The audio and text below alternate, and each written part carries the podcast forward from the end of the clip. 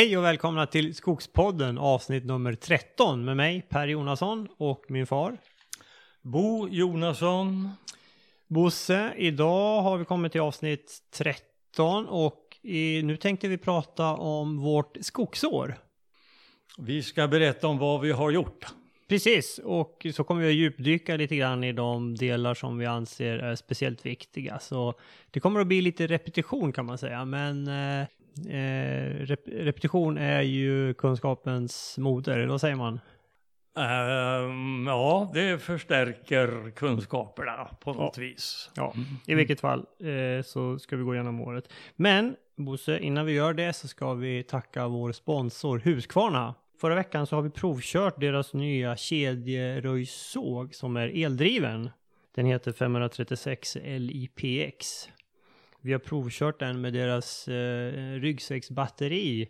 En eh, rätt så eh, rejäl pjäs det här batteriet. Det är på 26 ampere-timmar och man har det som en ryggsäck. Sitter otroligt smidigt. Det heter BLI 940X. Väger hur mycket? Den, det är drygt 7 kilo väger batteriet. Så, och, men den sitter väldigt bra på ryggen så efter ett tag så äh, märker man inte av det. Vi ska väl säga det också att det här är ju ett svärd och det har ju stora fördelar. Ja. Det kastar inte. Nej. Som stämmer. klingorna gör. Och det här kan man finlira eh, röjningen ja. på ett alldeles utmärkt sätt. Till exempel i såddgrupper där det är fråga om millimeterprecision. Ja, helt mm. riktigt. Jag måste säga att jag hade ganska höga förväntningar eh, inför den här provkörningen. Och jag måste säga att de överträffades. Det här är en fantastisk eh, smidig maskin. Den sitter som sagt bra, man rör sig smidigt. Och att få jobba, som ingenjör, att få jobba med en elmotor istället för en bensinmotor är ett lyft. En, eh, en elmotor har ju kanske runt en, en verkningsgrad på runt 90% jämfört med en bensinmotor som kanske ligger på 30%. Resten kyler man bara bort.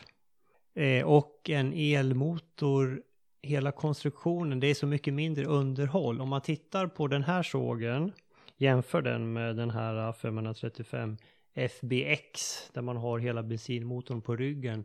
Elmotorn sitter ju direkt på drivaxeln. Så du har ju minimalt med förluster och vibrationer och underhåll. Så det är ju en stor fördel. Och du har ju eh, mycket färre rörliga delar. Men sen har du framförallt, du får inga avgaser. Så det här är bra både för dig som röjer och för miljön. Så jag tycker att Eh, och det här med, det här går väldigt väl ihop med målsättningen att Sverige, att vi ska bli fossilfria ungefär till 2030 senast, gärna tidigare.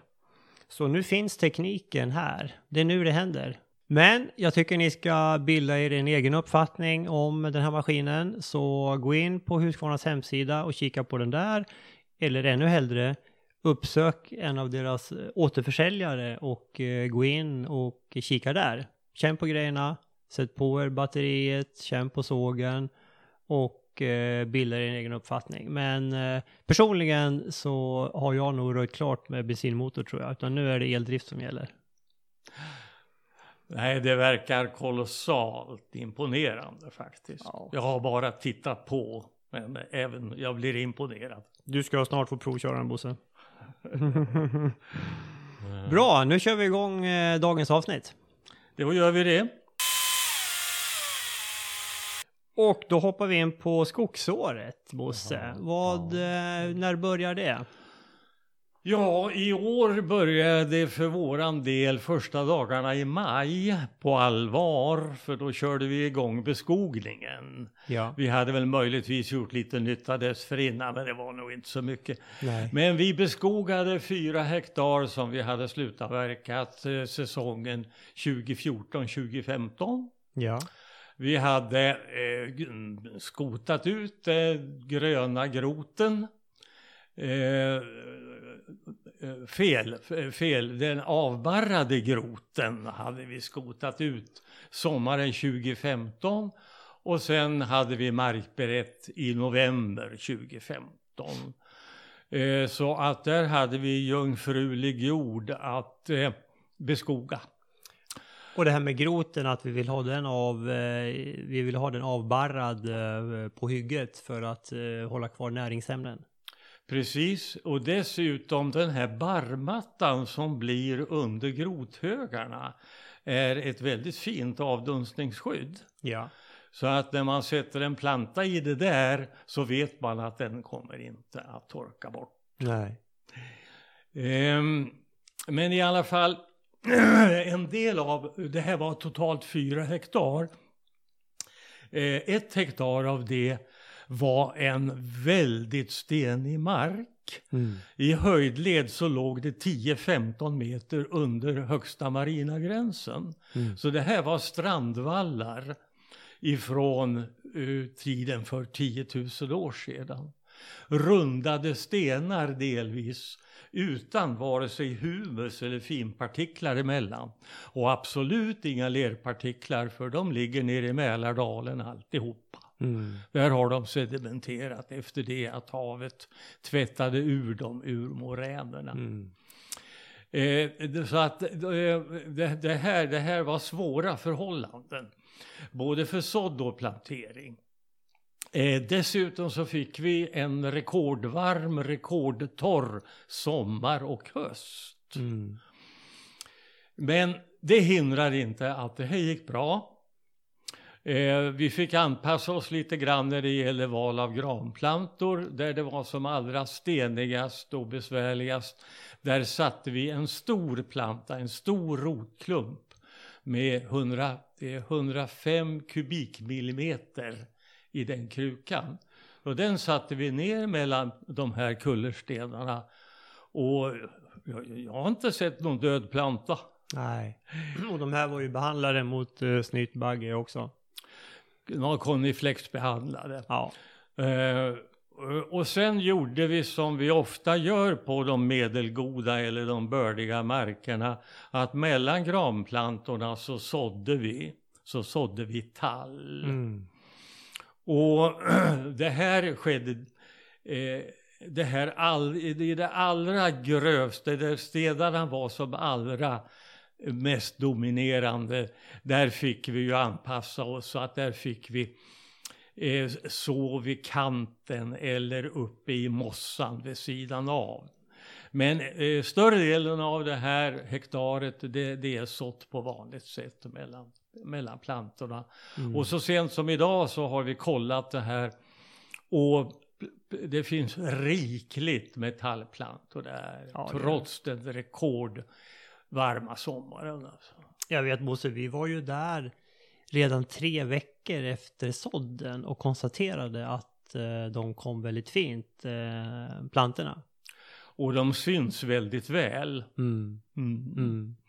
mm. Och eh, är det 100% tallfrö?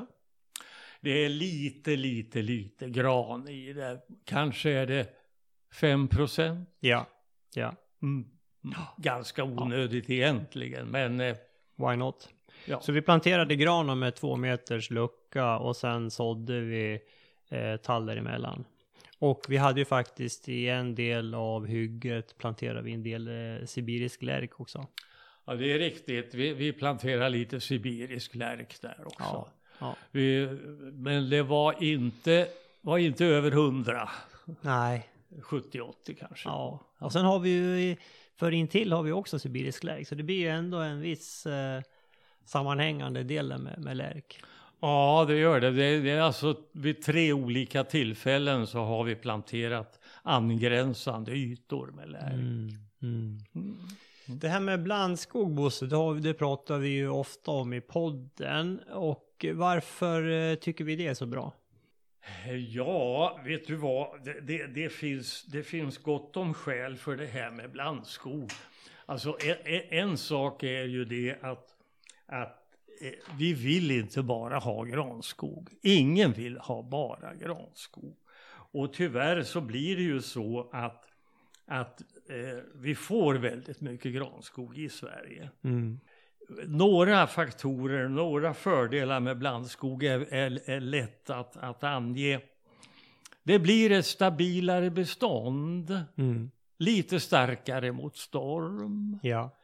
Det blir mindre rotspridning mellan rotsystemen med en främmande art som tränger sig in mellan granarna. Ja.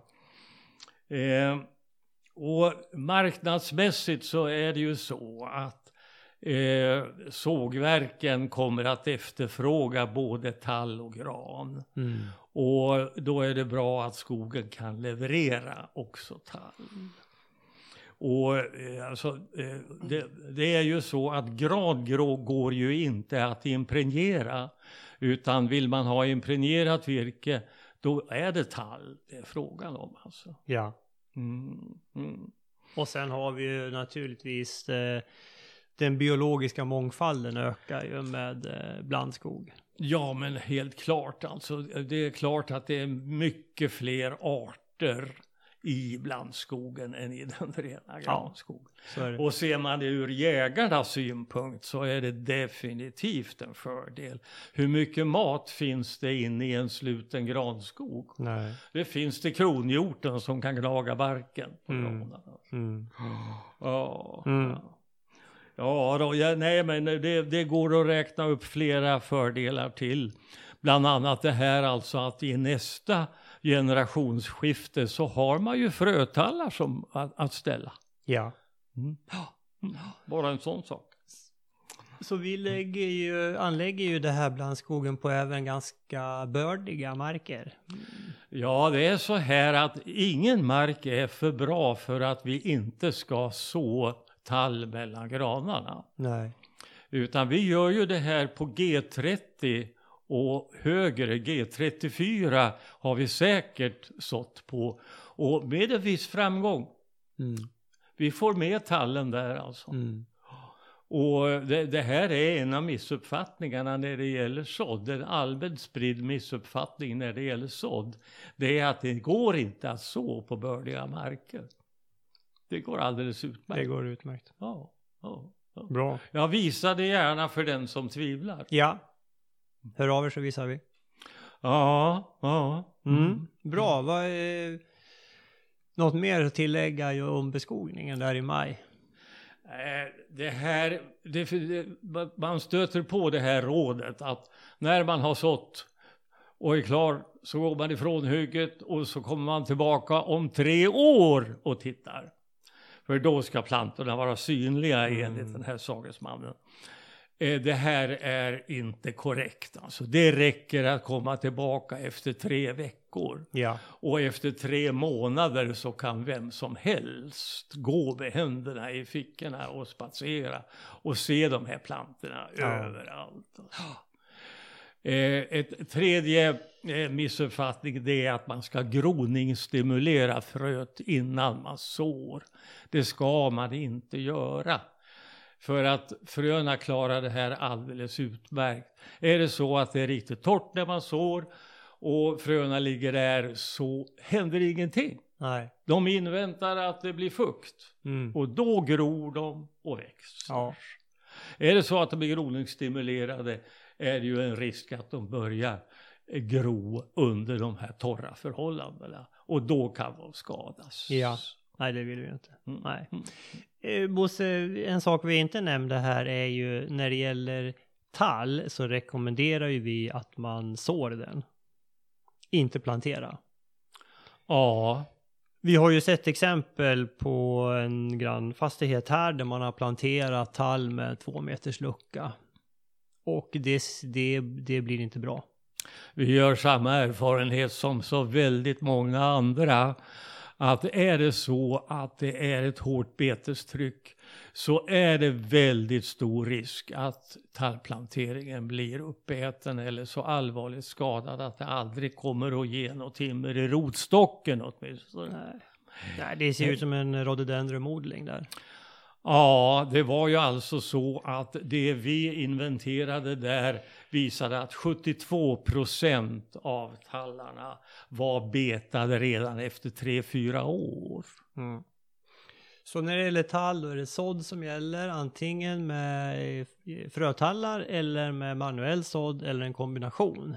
Och då kan man också få upp stammantalet på 6 till 10 000 stam per hektar som man behöver om det är ett hårt betestryck. Ja, har man det så, så grejar man det här alltså. Då får man upp sin tallskog. Ja, då klarar man av att en del blir betad för då kommer det några underifrån som man kan spara. Mm. Det var beskogningen. Vad har vi gjort eh, mera? Ja, vi har gjort fortsättningen på beskogningen. Vi har röjt. Totalt har vi röjt 17 hektar på Gusselborg under det här året. Mm. Eh, varav ungefär hälften är en tidig lövröjning. Men i övrigt så är det röjningar upp till, ja faktiskt 17-18 eh, års ålder. Och i, i det fallet så är det, är det sådder. Eh, och speciellt en, ett område, det var 2,4 hektar. Det är inte röjt alls tidigare mm. och det såddes 1999. Eh, det röjde vi nu i sommar. Mm. Och det var ju ett väldigt stort antal plantor som stod där. Eh, det är en fin eh, tallkvalitet. Rakvuxen, småkvistig. Mm. Eh, naturligtvis mängder av betesskador. Men eftersom mängden plantor var ännu mycket större så blir det här alltså en, en bra, det här blir en bra, det här det här beståndet får en väldigt bra start. Mm. Och då märker vi på de här stammarna också? Ja, vi, vi gör så här då att vi markerar huvudstammarna. De allra bästa av dem avsedd att, är avsedda för stamkvistning. Ja. Eh, men eh, över hälften eh, stamkvistar vi inte. Utan de får stå där och, och producera då en, en kvistig men rakvuxen oskadad stam. Mm. En eh, blivande sågtimmer. Blivande sågtimmer. Mm. Eh, det var så här i det här beståndet jag tänker på. Där stamkvistade vi alltså. Alltså, det måste jag titta efter i mina papper. Det är det här äh, Sisyfos-området. Äh. Ja, det är det. Det är det. Eh, det var alltså så här. Ah. Att vi kallar det för Sisyfus-området var att vi, vi var där så pass många gånger. Ja. Ja. Det fanns alltid en liten fläck kvar när vi ja. ändå hade varit där. Kändes det som. Men till slut så blev vi klara med det också. Äh. Jag har missat det där antalet, men det är i alla fall ungefär 600 huvudstammar per hektar som är markerade. Ja, men inte så många vi har stamkvistat. Nej, en tredjedel av ja. dem ungefär är stamkvistade. Ja, ja precis. Ja, ja, ja. Och eh, det här, det här kommer att bli riktigt bra. Alltså. Mm. Och kvar i botten här är ju allting ätbart undertryckt. Ja. Så älgen är välkommen tillbaka. Ja. Fortsätta där han slutade. Ja. Och, och, och beta. För nu börjar ju de komma upp på älgsäker höjd, eh, de här eh, de här tallarna. huvudstammarna, de är uppe i älgsäker ja. höjd. Ja. De toppskotten är räddade. Eh, jag ska också säga det att det finns ju grupper i det här beståndet som är där alla träd är skadade mer eller mindre av mm. bete. Mm. Och de här grupperna, de lägger vi inte ner något arbete på. Utan de går vi bara förbi. Ja. De får stå där och producera massaved. Just det. Och vara som en liten armering också mot storm. Ja, mm. så mm. blir det ju. Mm. För mm. där gör vi inte ens en, en, en röjning utan vi låter all, samtliga stå kvar.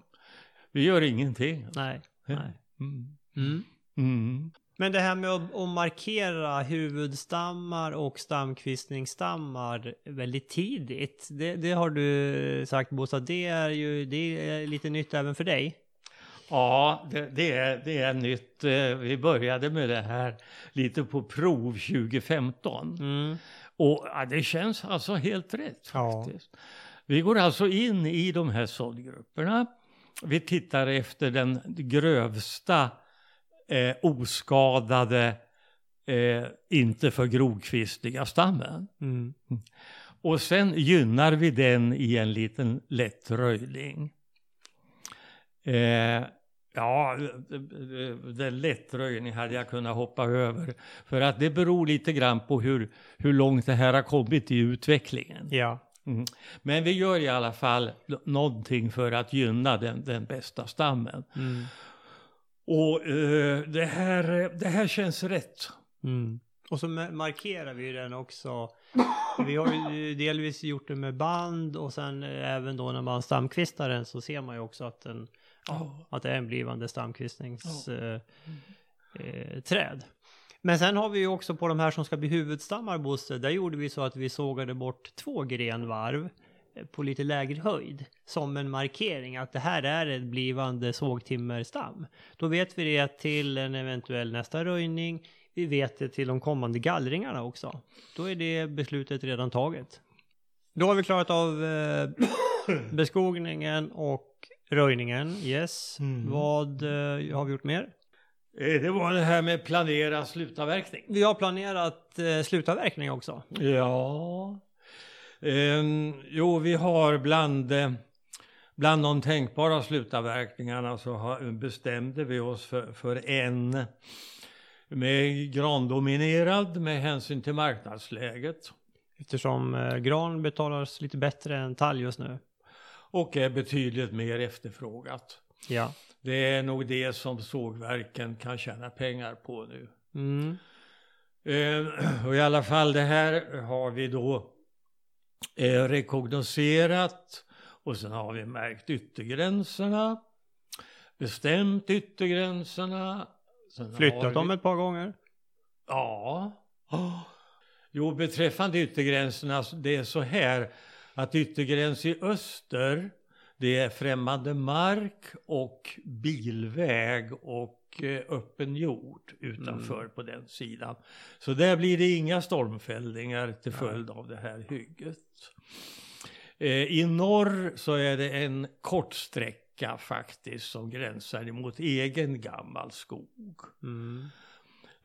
I väster så gränsar det mot um, egen gammal skog hela vägen.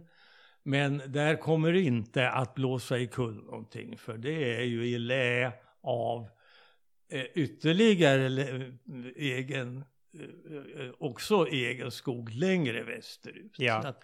det här kommer knappast att bli några stormfällningar i några hyggeskanter. Nej. Det är klart att våra fröträd kommer att stå lite skakigt, men det får vi acceptera. Mm. Och det är nära vägar och förhållandevis lätt att hämta hem dem mm. om de lägger sig ner. Mm. Eh, sen bjöd vi ut det här till fyra, till fyra olika sågverksföretag och eh, har fastnat för ett av dem. Mm. Som vi tycker betalade lite extra för extra bra kvalitet. det var så här att det här innehåller eh, en riktigt, riktigt fin grankvalitet. Mm. Har stått riktigt tätt och är mycket småkvistig. Mm. Eh, ståndortsindex ligger uppe på G30 på, på de bästa bitarna. Ja, vi, har, vi har mätt upp vi har mätt upp tallar som är 34 meter där. Ja. Det här är bördig mark, men inte alltihopa. För det är ju en sydsluttning och, och längst upp i norr så, mm. så är vi nere på T18 kanske, kanske, jo, ja, T18, T, T18, T20 mm. möjligtvis. Mm. Ja. Mm. ja, nej, men det är ju naturligtvis i en sån affär det är ju inte bara priset som spelar roll utan det är många andra saker också. Ja, Ja. Vi ska också säga det att inne, inne i det här området så har vi markerat, jag tror det var fem eller var det möjligtvis sex till och med ytor där granunderväxten är så, eh, är så frodig och ser så livskraftig ut. Så att det, det där har vi ringat in med mm. band. Mm. Och sen blir instruktionen till skördarföraren att de här granarna, de träden som står inne i de här grupperna fälls ut ur grupperna. Mm. Så att det här blir en del av den nya skogen. Just det. Det blir en flygande start. Ja, det blir det. För nästa generation. Ja. Och, och här finns alltså underväxt som är ja, åtminstone sex, kanske sju meter hög. Ja. På, på någon liten fläck. Det mesta är nog en till två meter. Mm. Ja, nej men så det kommer ju, där kommer det ju vara en bra start på den eh, nästa generation skog då. Eh, totalt sett så, så, är det så här att eh, eh av de beskogningar som vi har gjort under tiden 1987 till 2016 så består eh, så är 3% är utnyttjande av befintlig självsådd i luckor. Mm. Så det är just det vi pratar om här. Ja, alltså. just det. Mm. Mm. mm. Ja, men det är bra. Mm. Mm. I övrigt kan man säga att säga, det är också att 49% av allt vi har beskogat under den här perioden det är den här metoden med planterade granar och sådda tallar. Just det. När vi pratar om sådd igen, det, det, glömde vi nog säga Bosse. De här, äh, du kollade ju upp äh, hur stor, äh, hur mycket man sår i Sverige. Du hade ju... Det sås i alla fall alldeles för lite i Sverige. Skogsstatistisk årsbok där. Det är Skogsstatistisk årsbok från 2014. Ja. Och under perioden 2010 till till och med 2013 så såddes det i Svealand 0% av den föryngrade arealen. Noll. Noll i Svealand och vad var det då i Götaland? Mm. Ja, Kanske noll, noll. där också. ja. ja, alltså.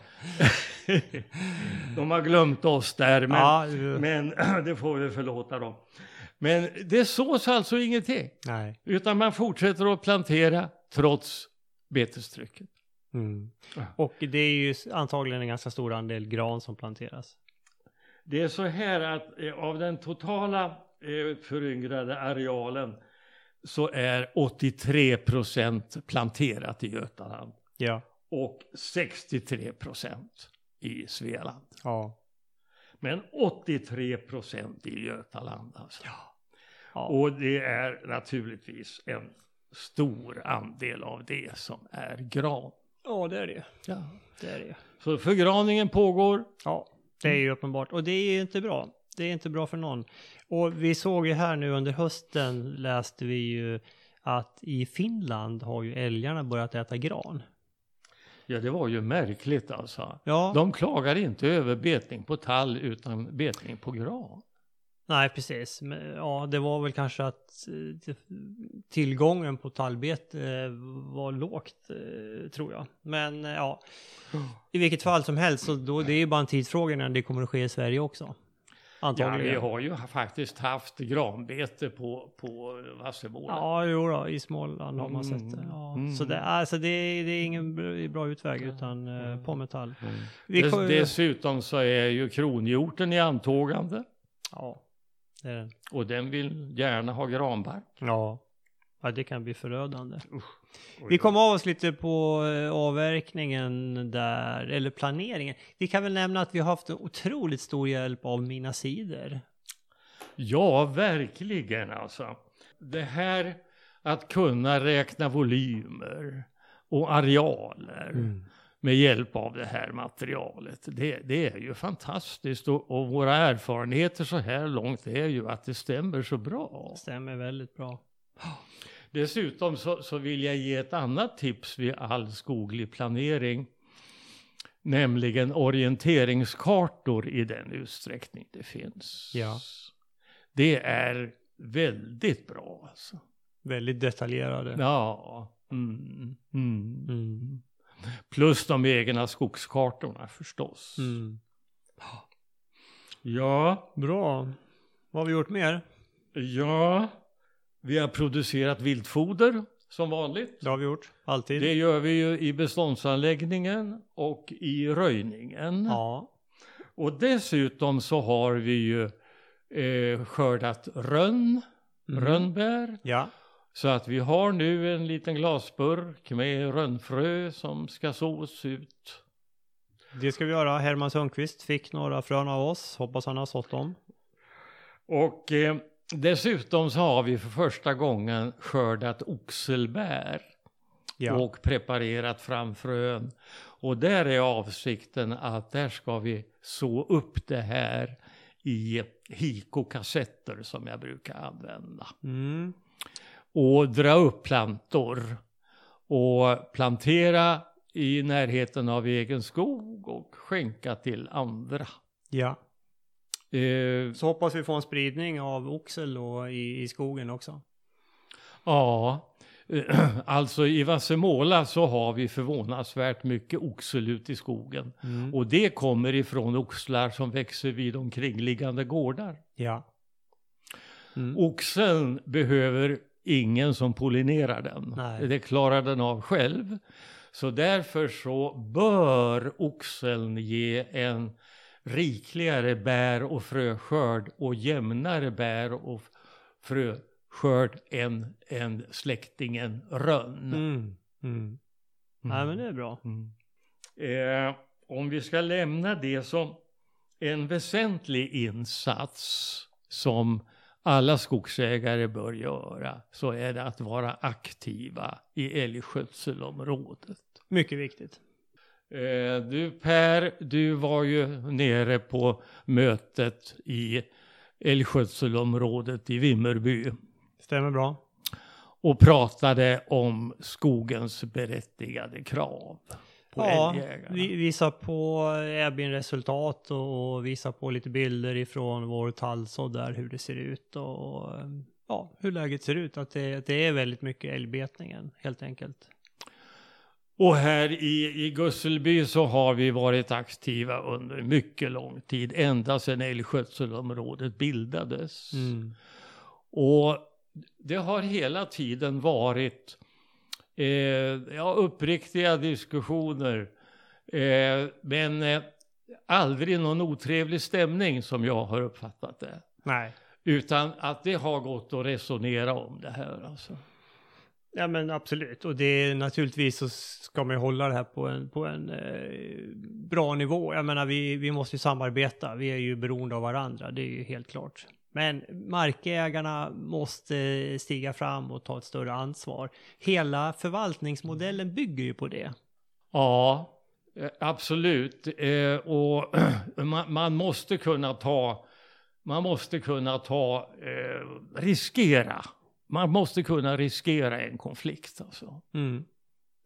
Det, det går över. Och, men för jaktintressena och skogsproduktionen måste samexistera. Mm. Ja men vi är ju beroende av varandra. Helt klart. Alltså. Mm. Och, och kan eh, lära oss av varandra också. Mm. Mm. Mm. Ja, vad har vi mer på vår eh, årliga lista? Om vi nu tar det lite snabbt med tanke på att tiden springer. Ja, vi har lite tid kvar. Ja. Eh, Det här att eh, sprida kännedom om den här synen på skogsbruk som vi har. Mm. Det känns angeläget faktiskt. Mycket. Och vi gör ju det via den här podden. Ja. Eh, och, och jag tycker att det, det verkar gå väldigt bra och att vi får nästan uteslutande positiv respons. Ja, absolut. Det har ju, jag kollade häromdagen, vi ligger alltså i snitt på ungefär 1200 lyssningar per avsnitt. Så det är ju, det är ju skojigt och, och den respons vi får, det mesta har ju varit positiv och det, det, det är kul att höra av er med respons, både positiv och negativ. Det är välkommet. Under året har vi också planerat en skogsväg, en genomfart mellan två olika separata vägsystem vi har på skogen. Ja. Eh, Det är en, eh, en 240 meter nybruten väg blir det, plus breddning av ungefär en kilometer. Ja. Det här ska underlätta kommande avverkningar och andra åtgärder. Och överhuvudtaget jobbet i skogen, det här att, att inte vara, alltid vara på fel väg. Nej. Mm. Eh, sen har vi också ägnat oss åt att planera skötseln av eh, 17 hektar nyinköpt mark. Just det. Och där har vi eh, håller på med en avstyckning också. Träffade Lantmäteriet för ett par veckor sedan och gick igenom nya gränser och sådär. Mm. Mm. Ja. Mm. Vad bra. Har vi gjort något mer? Ja, nu har vi igenom listan på, på Gusselborg så att eh, nu är vi färdiga där. Eh, Några och, korta ord, vad har vi gjort nere i Småland, i, i Vassemåla? Mm, det hinner mm, vi med mm, tror jag. Mm, mm, mm, vi slutröjde ett bestånd, där återstår en del stamkvistning att göra. Ja.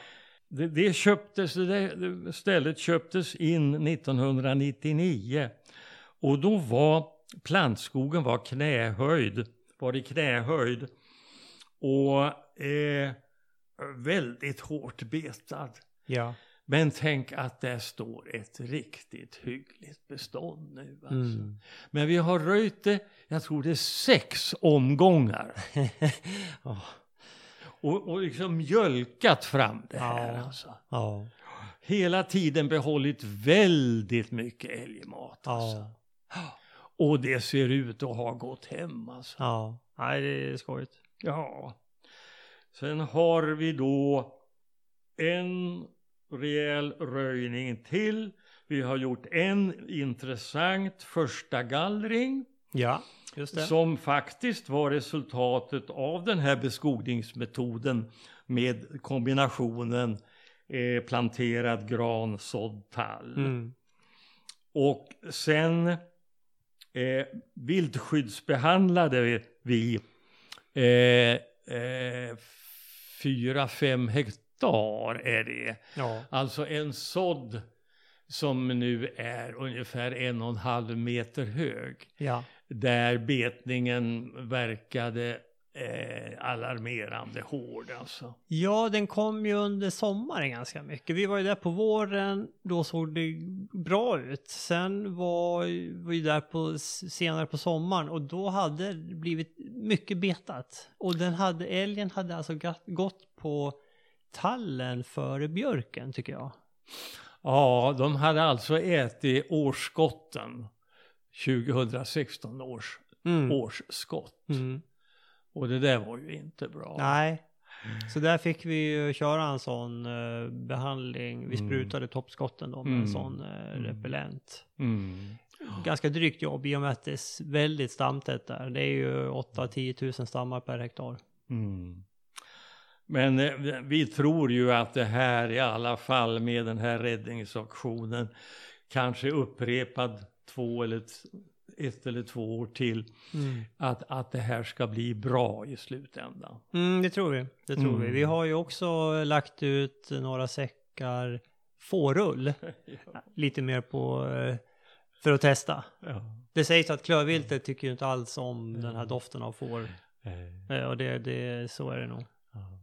Det luktar inte så gott, tycker inte vi heller. Flugorna tycker om det däremot. Ja, verkligen. Mm. Ja. Eh, och där var du ju med på älgmötet. Ja. Mm. Mm. Eh, ska vi tro det att det här att vara med på älgmöten och vara aktiv i älgskötselområdet, det är den bäst använda tiden när det gäller skogsvård som man kan göra? Det kan det mycket väl vara. ja. Mm. Det, jag menar, det vi har sett är ju att det är ju jägarnas möte. Så där eh, tycker vi att markägarna ska vara med och, och göra sin stämma hörd också. Ja. Mm. Mm. Bra. Ja, Bra. I huvudsak så var det väl det där vi skulle ja. prata om. Ja. Mm. Och eh, vi hinner ju göra lite till eh, innan årets slut, men det får vi berätta om en annan gång. Ja. Men det där var väl en bra genomgång också av eh, de saker vi har gått igenom här i de olika poddavsnitten också. Mm. Mm. Mm. Bra, jag tycker vi sätter punkt där. Men innan vi gör det Bosse ska vi även, vi ska nämna vår sponsor Husqvarna. Som eh, tillverkar eh, bland annat eh, elprodukter som jag tycker ni ska kika på. Gå in på deras hemsida och kolla där. Eller ännu hellre besöka en återförsäljare och kika in på produkterna där. Mycket spännande saker. Se om det kan vara något för er också. Ett tekniksprång. Definitivt. Från bensin till el. Ja, ett mycket positivt sådant. Bra, då tackar vi för oss och säger på återhörande. Tack så mycket för att ni lyssnar. Tack från mig också.